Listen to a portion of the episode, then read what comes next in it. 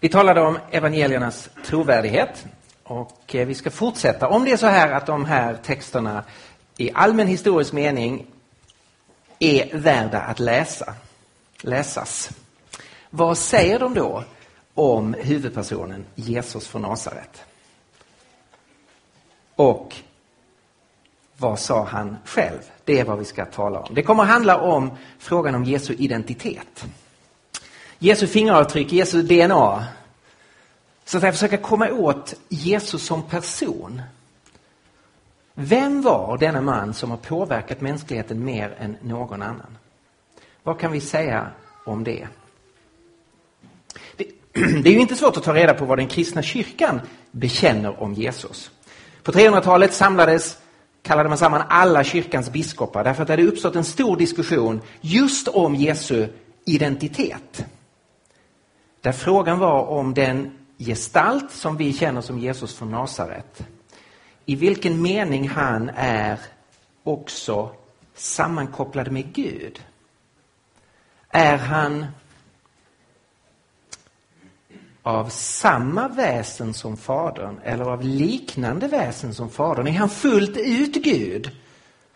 Eller finns det en, en distinktion här som gör att Jesus inte i full mening är Gud? Och Det var bakgrunden till det som man i många kyrkor, åtminstone på högtidsdagar, bekänner om Jesus, den nicenska trosbekännelsen. Och det är ord och inga visor om Jesu identitet. Man säger att vi som kristna tror på en enda Herre, Jesus Kristus. Guds enfödde son, född av Fadern före all tid. Gud av Gud, ljus av ljus, sann Gud av sann Gud, född och icke skapad av samma väsen som Fadern. Så på 300-talet bekände kristna, och sen har den kyrkan i, i eh, efter det alltid bekänt Jesu fulla gudomlighet. Han är av samma väsen som Fadern. Han är Gud av Gud.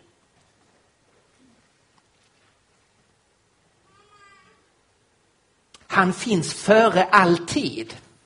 Lite förvirrande för oss är de här konstiga uttrycken att han är enfödd son och född av Fadern. Och vi tänker i biologiska termer då, och då verkar den här bekännelsen helt motsägelsefull, därför att födelse för oss innebär ju att att, eh, att någon har blivit till som inte fanns till och som nu föds fram och det blir ju så att säga ett moment i, i historien och någonting som förändrar, förändras.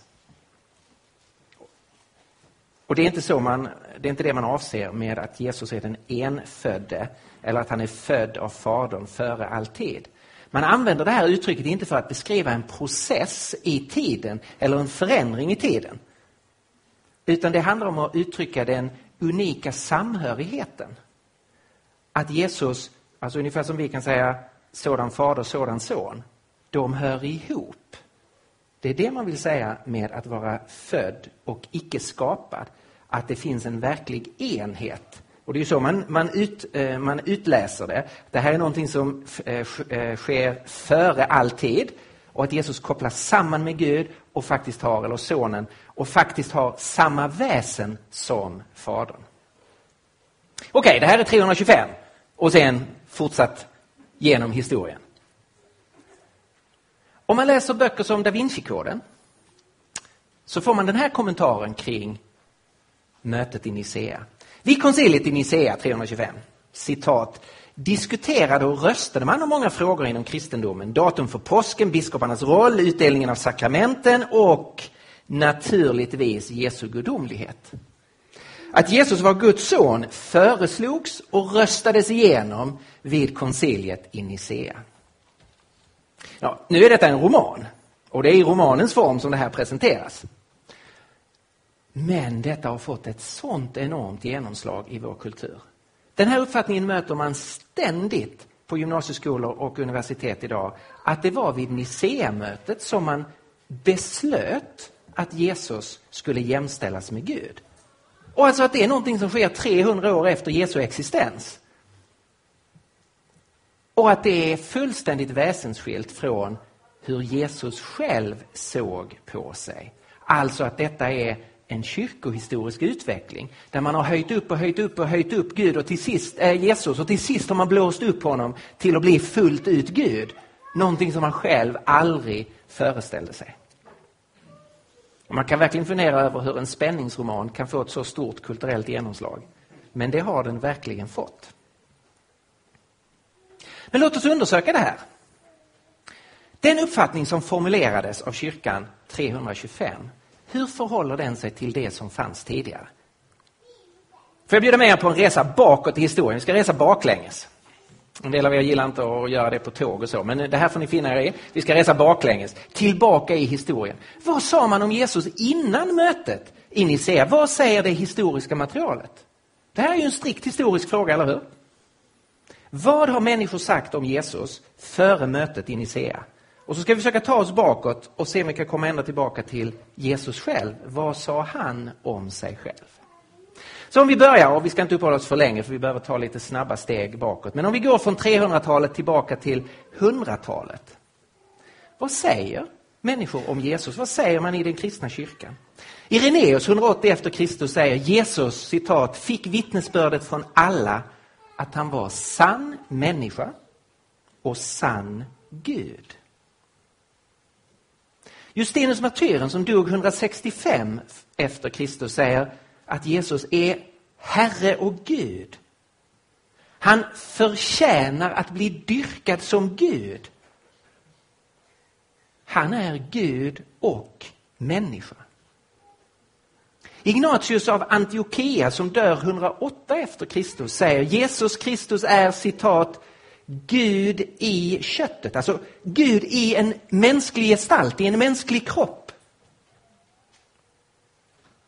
Och han talar om vår Herre och Gud Jesus Kristus. Och jag kunde gett många, många, många, många fler exempel från 300-talet bak till 100-talet. Vad är det de kristna, vad skrifter vi har tillgång till, vad är det de säger om Jesus? Man bekänner Jesus som sann människa, verklig människa, född av en verklig person, jungfru Maria, avrättad av en verklig person, dömd under Pontius Pilatus. Men han var samtidigt sann Gud som förtjänas att, förtjänar att dyrkas och tillbes. Där uppfattade omgivningen att det var detta som de kristna faktiskt hävdade. Man har hittat en graffiti i Roms katakomber. Den är, det är förstås svårt att, att datera eh, eh graffiti, men som dateras eh, till det andra, eh, eller från 100 till 200-talet. Det är en bild där man hånar de kristna. Några personer hånar en kristen som heter Alexamenos. Och man hånar hans gudstyrkan.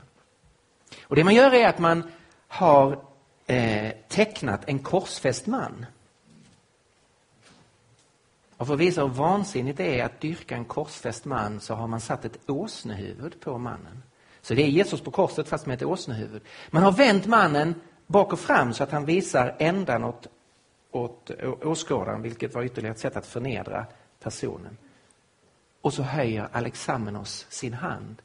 För detta är vad han tillber. Detta är hans Gud. Alltså människan Jesus som avrättades på ett kors. Det har de uppfattat att den personen tillber deras arbetskompis eller vad det nu har varit, Alexamenos. Och de bara skrattar åt detta. Men de har ju uppfattat essensen av hans tro. Alexamenos såg inte Jesus som en vishetslärare, en profet enbart. Han tillber honom som sin Gud. Plinius den yngre som nämndes igår, en, eh, eh, en romersk ämbetsman, får problem med den växande kristna gruppen som ju inte vill bekänna eh, kejsaren som herre. Och han är osäker på hur hårt han ska gå åt den här gruppen. Vad är smartast för det romerska rikets stabilitet? Vad ska man göra med en sån här grupp? Hur ska man hantera det?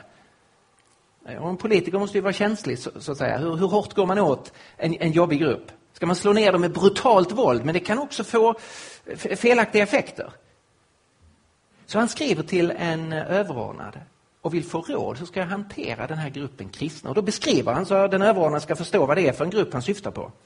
Jo, det här är en grupp som har för vana att på en utsatt dag samlas före soluppgången och att växelvis med varandra sjunga en sång till Kristus liksom till en Gud och att med en helig ed binda varandra till att inte begå något brott.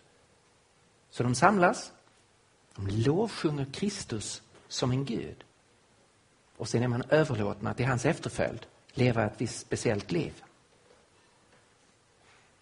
Så Da Vinci-koden är ju fullständigt ute och cyklar. Att det skulle vara någon sorts ny tankegång som man formulerade vid mötet i Nicea. Det är tvärtom en bekräftelse eh, och en, man kan säga en väldigt sofistikerad formulering av en bekännelse som man kan följa under, under de två föregående århundradena.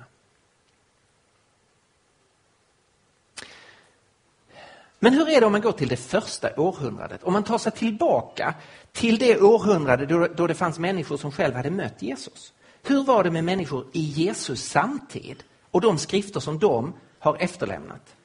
Om vi tar det sist skrivna evangeliet, Johannes evangeliet, så är det skrivet före år 100, så vi är tillbaka under det första århundradet. Och det är skrivet av en person samtida med Jesus och nära Jesus. Och då kan man se i Johannes evangeliet att det på många, många ställen ger uttryck för precis det som Nicea-mötet säger om Jesus. Vid två, två tillfällen efter diskussioner där Jesus har varit uppfattas som oerhört provocerande så står det att man vill slå ihjäl honom. Varför? För att han jämställde sig själv med Gud. Läs Johannes 5 eller Johannes 10. Han jämställde sig själv med Gud. Och han samtidigt uppfattade det. Hela evangeliet, Johannes evangeliet börjar ju med de här mäktiga orden om ordet.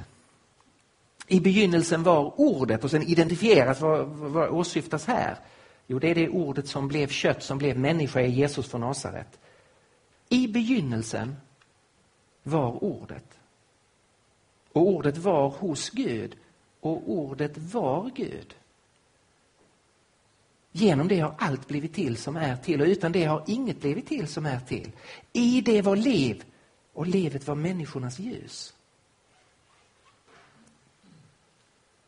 Alltså, Johannes evangeliet talar om ordet som syftar på Jesus och relaterar ordet till Gud och säger från begynnelsen var ordet hos Gud och var självt Gud relaterar det till tiden och säger redan i begynnelsen fanns ordet hos Gud. Relaterar det till skapelsen, att allt har blivit till genom ordet och utan det har ingenting blivit till. Relaterade till livet, att verkligt liv kommer ifrån honom och det är han som kan upplysa människan. Han är människans ljus. Detta sägs om den person som vi känner som Jesus från Nasaret. Att han samtidigt är ordet av evighet. Bart Ehrman, ledande Jesusforskare. Han beskrev sig själv som agnostiker som lutar åt ateism. Väldigt kritisk mot kristendomen. Men han konstaterar utan vidare i sin, eh, i sin nya bok om Jesu identitet det är sant att Jesus säger sig vara gudomlig i det sist skrivna av våra kanoniska, alltså det vill säga nytestamentliga evangelier. Jesus gör verkligen märkliga påståenden om sig själv. Han säger att han är jämlik med Gud och har varit så redan innan världen skapades. Detta är häpnadsväckande anspråk. Så det här råder ingen som helst diskussion om att i Johannesevangeliet så jämställs Jesus med Gud. Men om vi fortsätter resa bakåt, det här var ju det sist skrivna evangeliet. Om vi tar oss tillbaka till mitten av det första århundradet och vi tittar på de tidiga kristna skrifter som vi har tillgång till, Paulus brev. Och vi tittar på de brev som det råder ingen som helst diskussion om. Dessa brev är skrivna av aposteln Paulus, de är skrivna eh, på 50-talet, något i början av 60-talet. Vad säger man där om Jesus? Det står så här i Filipperbrevet. Låt det sinnelag råda hos er som också fanns hos Kristus Jesus. Han ägde Guds gestalt, men vakade inte över sin jämlikhet med Gud, utan avstod från allt och antog en tjänares gestalt då han blev som en av oss. När han till det yttre hade blivit människa gjorde han sig ödmjuk och var lydig ända till döden, döden på ett kors. Därför har Gud upphöjt honom över allt annat och gett honom det, honom det namn som står över alla andra namn för att alla knän ska böjas i Jesu namn i himlen, på jorden och under jorden och alla tungor bekänna att Jesus Kristus är Herre, Gud Fadern till ära. Många forskare säger att det här kan vara en hymn som Paulus citerar. Och i så fall är den ju tidigare, alltså formulerad innan Paulus skriver sitt brev i mitten av det första århundradet, så att det har ett ännu äldre innehåll. Men i vilket fall så är ju innehållet att Jesus hade jämlikhet med Gud av samma väsen som Fadern. Han hade jämlikhet med Gud men valde att inte stå fast vid den utan för människornas skull ödmjuka sig och bli en tjänare och gå djupare neråt än någon annan har gjort till döden på ett kors där han försonade människans synd. Och så har Gud upphöjt honom och gett honom det namn som är över alla andra namn, vilket ju inte kan vara något annat än Guds namn. Alltså återinsatt honom i den höghet han hade av evighet. Och så ska all, alla knän böjas, och alla varelser bekänna att han är Herre. När Paulus skriver den här texten så väljer han att citera en text från Jesaja 45. Detta att alla knän ska böjas och alla munnar, alla tungor ska bekänna. Det talas det om i Jesaja 45 och då är det Israels Gud, den enda guden. Som alla knän ska böjas för och alla tungor ska bekänna. Så Paulus för över det som Gamla testamentet säger om Israels Gud, för han över på Jesus från Nasaret. Detta är verkligen häpnadsväckande. Hur kan en skriftlärd jude och Paulus var en ytterst framstående bibelforskare i sin tid. Hur kan han göra detta? Han för över det man kan säga om Gud på Jesus. Det här är inte en tillfällighet. Vi kan följa detta mönster på många ställen. I Joels bok i Gamla testamentet så talas det om Herrens dag som ska komma. Denna stora, fruktansvärda och samtidigt underbara dag när Gud ska ställa allt till rätta, då det onda ska dömas och kastas ut och riket äntligen ska upprättas och allt ska bli helt igen. Och så talar Joel om alla som åkallar Herrens namn ska bli räddade. Vad gör Paulus i första Korintierbrevet? Brev skrivet år 55. Han för över just de uttrycken på Jesus från Nasaret och talar om vår Herre Jesu Kristi stora dag som nu är det som ska avsluta historien och talar om att alla som åkallar Herren Jesu namn ska bli räddade. Alltså det som man bara kan säga om Israels Gud säger nu Paulus om Jesus. Han har flyttat över det på Jesus utan att för ett ögonblick förneka den enda guden som Gamla testamentet talar om. Längre fram i samma brev, första Korinthierbrevet i kapitel 8, så säger Paulus så här. Vi har bara en Gud. Kristna har aldrig någonsin övergett monoteismen. Det finns bara en enda Gud. Israels Gud, den enda guden som har skapat himmel och jord. Och det har, kristna har aldrig ruckat en millimeter på den punkten. Det finns bara en Gud. Vi har bara en Gud. Fadern från vilken allting utgår och som är vårt mål. Och bara en Herre, Jesus Kristus, genom vilken allt är till och genom vilken vi är till. Om man strukturerar här vad Paulus säger, sätter upp det i lite satser så man får lite lättare att relatera det till vartannat, så säger han först, vi har bara en Gud, Fadern. Och han är den som har skapat allting. Allting kommer till hon, från honom och han är målet för allt som existerar. Och så säger han, vi har bara en Herre, Jesus Kristus. Och sen säger han samma sak om Jesus, genom vilken allting är till och genom vilken vi är till. Den som känner Gamla Testamentet här och som kan den judiska trosbekännelsen. Det vi läser om i femte Mosebok kapitel 6, det som kallas för Shema, det som en, en, en jude bekänner varje dag. Hör Israel, Herren vår Gud, Herren är en. Noterar att Paulus använder den judiska trosbekännelsen och väver in Jesus Kristus i bekännelsen till den enda guden. Satsen A och C här innehåller alla ord från femte Mosebok kapitel 6 och 4. Paulus har denna i bakhuvudet när han skriver sin text. Och satsen B och D beskriver både Gud och Jesus som skapare.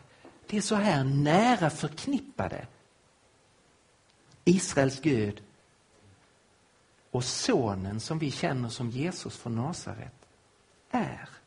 Och det här kunde vi titta på i eh, Nya Testamentets skrifter. Hur alla de här unika begreppen i Gamla Testamentet, Herrens namn, Herrens ord, Herrens dag, Herrens härlighet, Herrens ande, Herrens fruktan, Herrens bud, som alltihopa relaterar till Israels Gud, förs över eller kan utsägas om Jesus från Nasaret.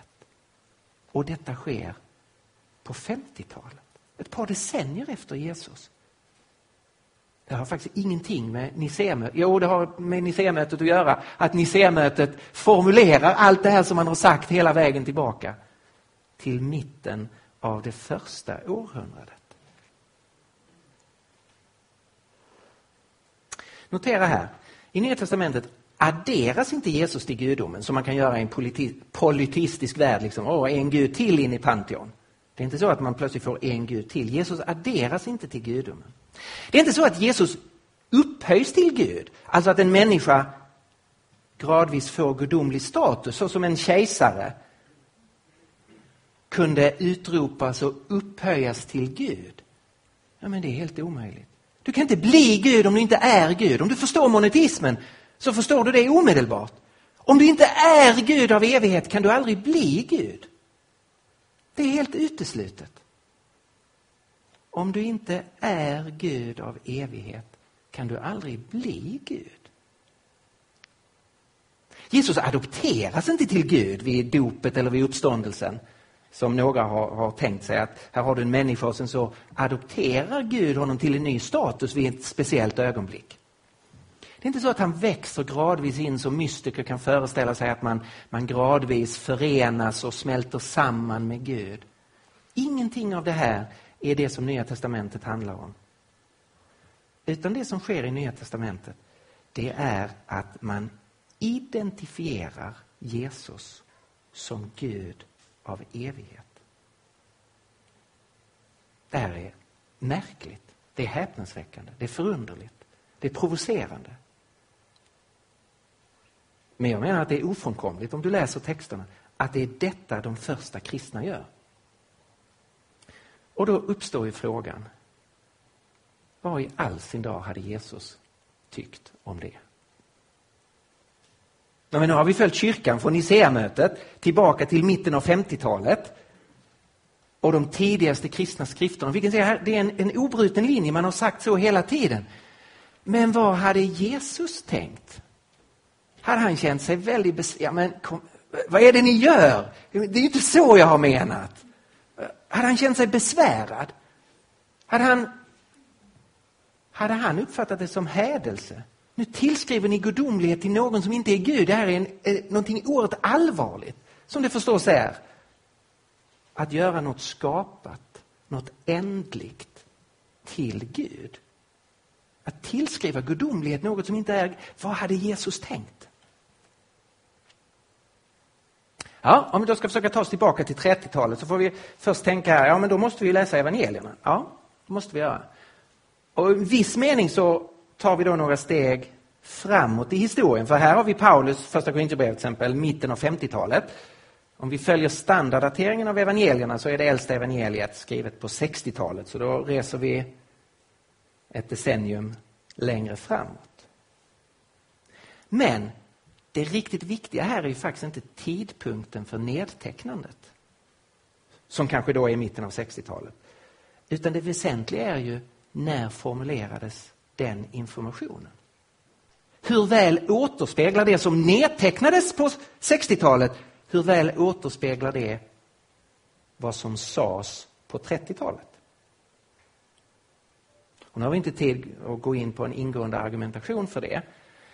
Men det finns väldigt goda skäl att hävda att det som nedtecknas på 60-talet är en tradition som muntligt har bevarats och som går tillbaka till Jesus själv på 30-talet. Så att vi faktiskt har kontakt med vad som sades och vad som skedde på 30-talet. Om vi då tittar på det vi kan veta om Jesus. Så om vi börjar med en, först en lite övergripande bild. Det framträder en en, eh, hur ska man uttrycka det? En väldigt spännande och samtidigt svårbegriplig bild av Jesus. Om vi tar något av det övergripande som sker. Hur förstår man en person som identifierar sig med Johannes döparen? Och nu säger det oss kanske inte så mycket. Men här har framträtt en predikant i Israel som säger nu sker det. Nu kommer löftena att börja uppfyllas. Och denna predikant börjar citera från Jesaja 40 om att nu måste vi förbereda. Varför? För att Herren ska komma. Bered väg för Herren. Alltså Israels Gud ska ingripa. Och då identifierar sig Jesus med Johannes döparen. Alltså inte att bli en av dem som ska förbereda för Herrens ingripande, utan att han utgör Herrens ingripande. Och Jesus börjar omedelbart förkunna Guds rikes ankomst. Att nu börjar en helt avgörande tid i historien. Och den börjar med honom och utgår från honom.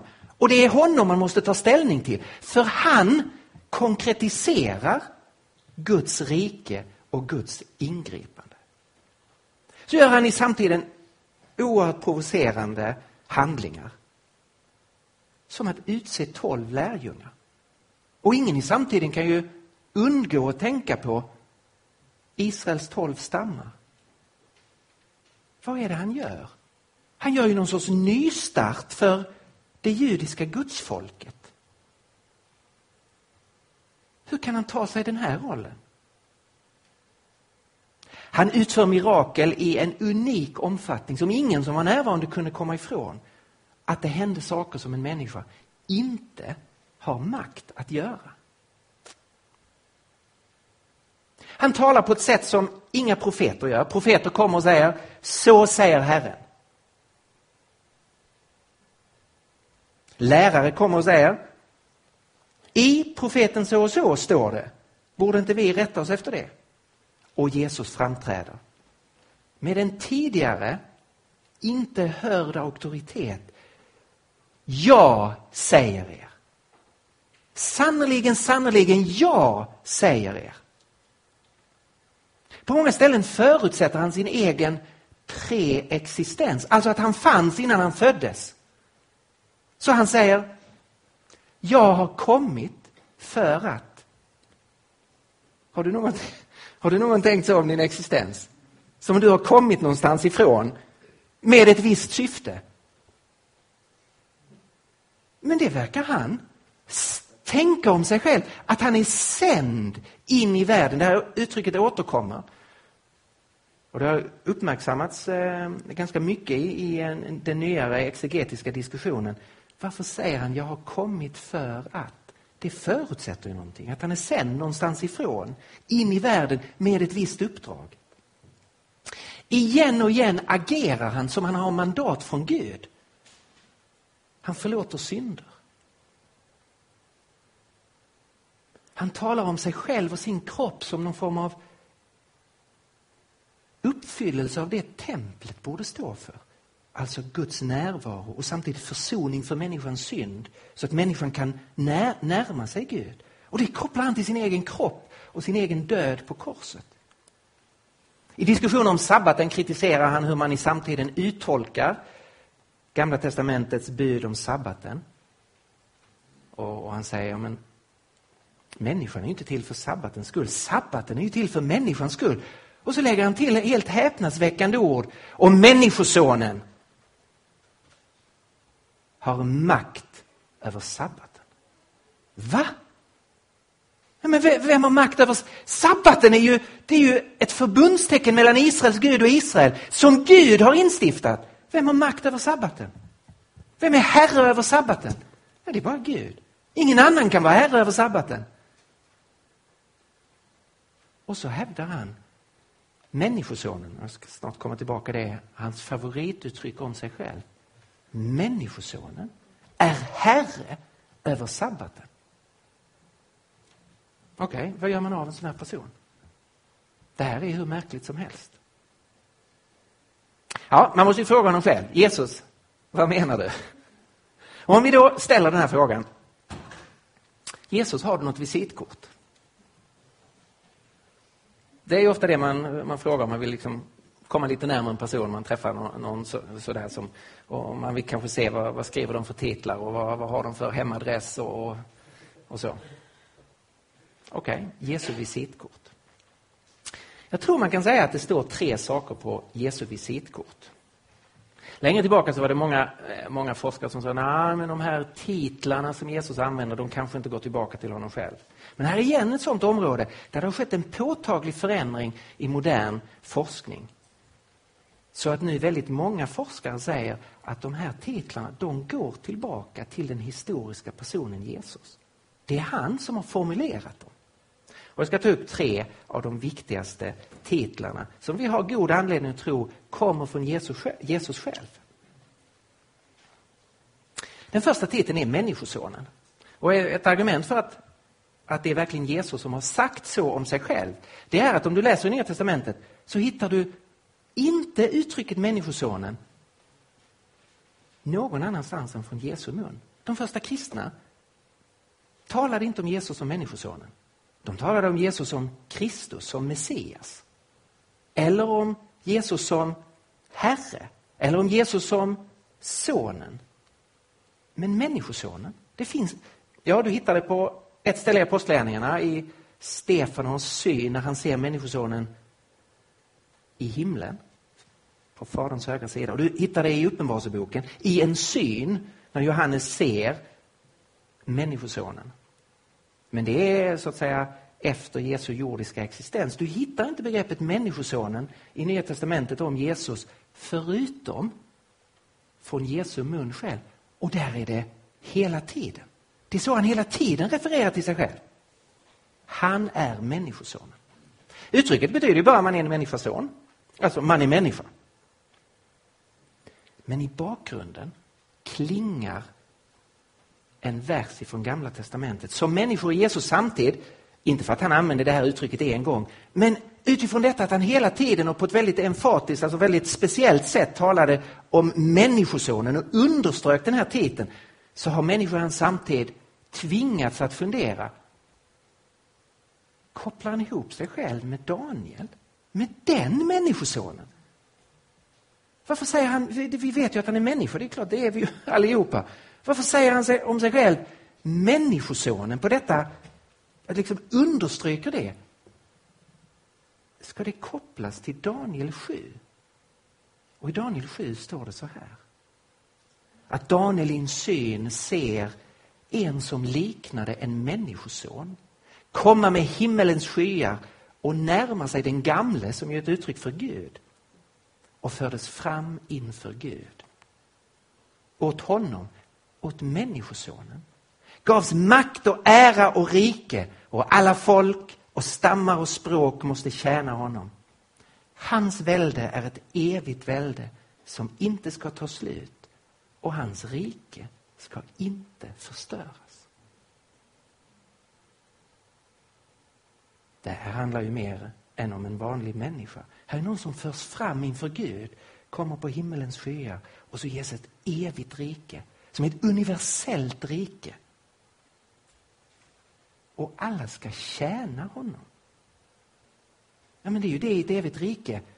Om Gud finns så ska ju alla tjäna Gud och tillbe Gud och ära Gud. Eller hur? Här ska upprättas ett evigt rike där alla ska tjäna en människoson och det ska bestå för alltid. Här är Jesu första titel. Han är människosonen. Och det är väldigt svårt att inte förstå det som en referens till Daniel 7. För det andra så talar Jesus om sig själv som sonen. Som Guds son. Så det första är människosonen. Det andra är Guds son. Och nu måste man vara lite noggrann här. Begreppet Guds son i både gamla och nya testamentet har inte den specifika och väldefinierade betydelse som det har i den kristna kyrkan. Om vi säger Guds son så menar vi något ytterligt specifikt. Det, kan, ha inte så, det är inte så stor tolkningsram för det uttrycket. Men i Gamla och Nya Testamentet så är det mycket bredare uttryck där man måste låta sammanhanget avgöra vad, hur det ska förstås. Så det kan sägas om Adam i Lukas evangeliet att han var son till Gud. Och det betyder att han var skapad av Gud till Guds avbild. Och i den meningen var han Guds son. Det kan, säga om, kan sägas om Israel, du är min son. Alltså att Israel är det utvalda folket. Och i den meningen är de söner och döttrar till Gud. Och folket som kollektivt blir Guds son. Det kan sägas om kung David. Som en kung som representerar Gud inför folket. Att du är min son. Men det handlar inte om att David hade någon form av gudomlig natur eller gudomlig status, utan det handlar om hans roll. Så det här måste vi vara medvetna om, att den här sortens eh, diskussion måste man ta. Så då måste man titta på i vilken mening omtalar Jesus sig själv som sonen. Lyssna här till Matteus 11, vers 27. Allt har min fader anförtrott åt mig. Och ingen känner sonen, bestämd form, utom fadern. Och ingen känner fadern utom sonen och den som sonen vill uppenbara honom för. Här ser vi att Jesus talar om sig själv som son i en alldeles unik mening. Allt har överlämnats av Fadern till Jesus, inte till någon annan. Och det är bara ytterst Fadern som fullt ut känner Sonen. Det här implicerar ju att, att Jesus har en natur av ett helt annat slag än vi har, eller hur? Att Sonen har en natur som vi inte har. Så det är bara Fadern som finns av evighet, är den enda som fullt ut känner Sonen. Därför att Sonen är också av evighet. Och så vänder Jesus på det och säger, och ingen känner Fadern utom Sonen. Så den enda som fullt ut känner Gud, Fadern, är Sonen, Jesus. Och så kommer de underbara nyheterna. Och den som Sonen vill uppenbara honom för. Så genom Jesus finns det en möjlighet att lära känna den Gud som vi annars inte kan lära känna. Och det här kunde vi titta på ett antal ställen där Jesus är sonen i absolut bemärkelse. Han berättar en liknelse om en vingård som arrenderas ut. Och så sänder ägaren sina tjänare för att se hur går det. Och de som har, har arrenderat slår ihjäl tjänarna. Och då till sist säger vingårdsägaren, jag har en son, den ende. Jag sänder honom, honom ska de eh, respektera. Så här görs en skillnad mellan tjänare som vingårdsägaren sänder och den enda sonen. Och alla som förstår liknelsen förstår att det är Israel som är vingården och att tjänarna är profeterna. Och att Jesus placerar sig själv mitt i liknelsen som den enda sonen sänder fadern en helt annan kategori än profeterna. Och det tredje titeln på Jesu visitkort är Messias. Alltså den smorde. Det här låter konstigt för oss. Smord, vi, vi håller inte på så att hälla olja på varandra. Eh, men det vi ska, vi, vi har liknande saker för oss. Vi kröner en kung och sätter en krona. I USA så svär man in en president som lägger handen på Bibeln. Och i det gamla Israel, så för att markera en unik person och en unik roll så smorde man. Och nu väntade man på en alldeles specifik utvald smord person. Messias. Och Jesus träder in i den rollen. Han gör det uttryckligen på några ställen. Han frågar sina lärjungar, vem säger ni att jag är? Och Petrus svarar, du är Messias, den levande Gudens son. Han gör det indirekt men samtidigt lika tydligt. När Johannes döparen skickar en fråga från fängelset där han sitter. Är du den som ska komma eller ska vi vänta på någon annan? Så svarar Jesus, gå och berätta för Johannes vad ni hör och ser. Att blinda ser och lama går, spete ska bli rena och döva hör, döda står upp och fattiga får ett glädjebud. Han svarar inte ja nej, är du den som ska komma? Utan han citerar en profetia från Jesaja 30, eh, 35 så kan ju Johannes själv dra slutsatsen. När han ser vad som, får höra vad som sker. Att nu har Messias kommit. Men Jesus gör mer än att citera från Jesaja 35 som handlar om att de blinda ser och lama går. Han citerar också från Jesaja 61 när han talar om glädjebudet. Det är från Jesaja 61 och det är en uttalad profetia om Messias Herrens Guds ande fyller mig, ty Herren har smort mig. Alltså jag är den smorde, Messias. Och jag är sänd att frambära ett glädjebud. N.T. Wright, en av de ledande Jesusforskarna, säger Jesus trodde sig kallad att göra och vara det som bara Israels Gud, JHVH, kan göra och vara. Det är faktiskt vad vi historiskt kan veta om Jesus.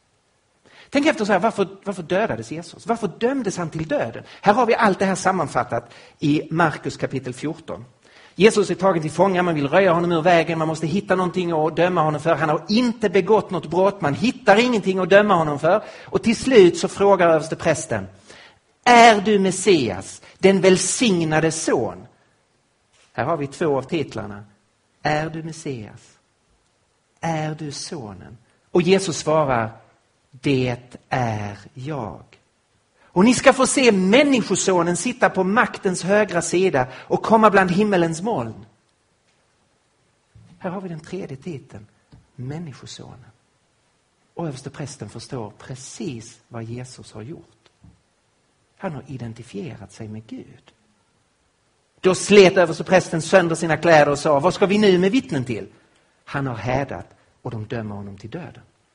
Så samtiden förstod vad Jesus gjorde anspråk på.